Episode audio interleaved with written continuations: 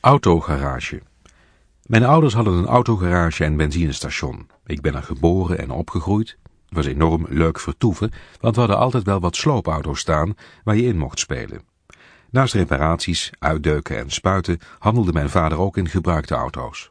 Mede door dat handelen en het gegeven dat er de hele dag mensen kwamen tanken en spullen kopen, hadden we nogal wat volk over de vloer. Als kind hoor je zo van alles.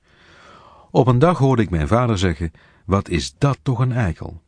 Papa, bleek ik toen gevraagd te hebben, wat is een eikel? Mijn vader antwoordde dat het een man was met een enorm smerige overal aan en vieze handen. Een tijdje later stond er iemand bij ons benzinestation die aan deze omschrijving voldeed. En ik riep hard genoeg dat de persoon in kwestie het duidelijk kon horen. Pap, er staat een eikel aan de pomp. Blijkbaar vergeten ouders vaak dat kleine potjes grote oren hebben. Ik betrap mezelf daar ook wel eens op als je wat vertelt.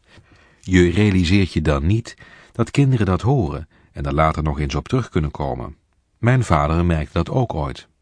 Er was een geïnteresseerde in een van de auto's die bij ons te koop stonden. Terwijl de potentiële koper rond de auto liep, scheen ik gezegd te hebben, Papa, dat is toch die auto waarvan jij zei dat die niet verder komt dan aan het eind van de straat?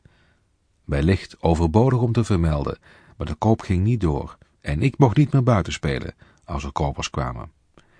Nu ik dit verhaaltje schrijf, bedenk ik me net de uitspraak van mijn vierjarig neefje.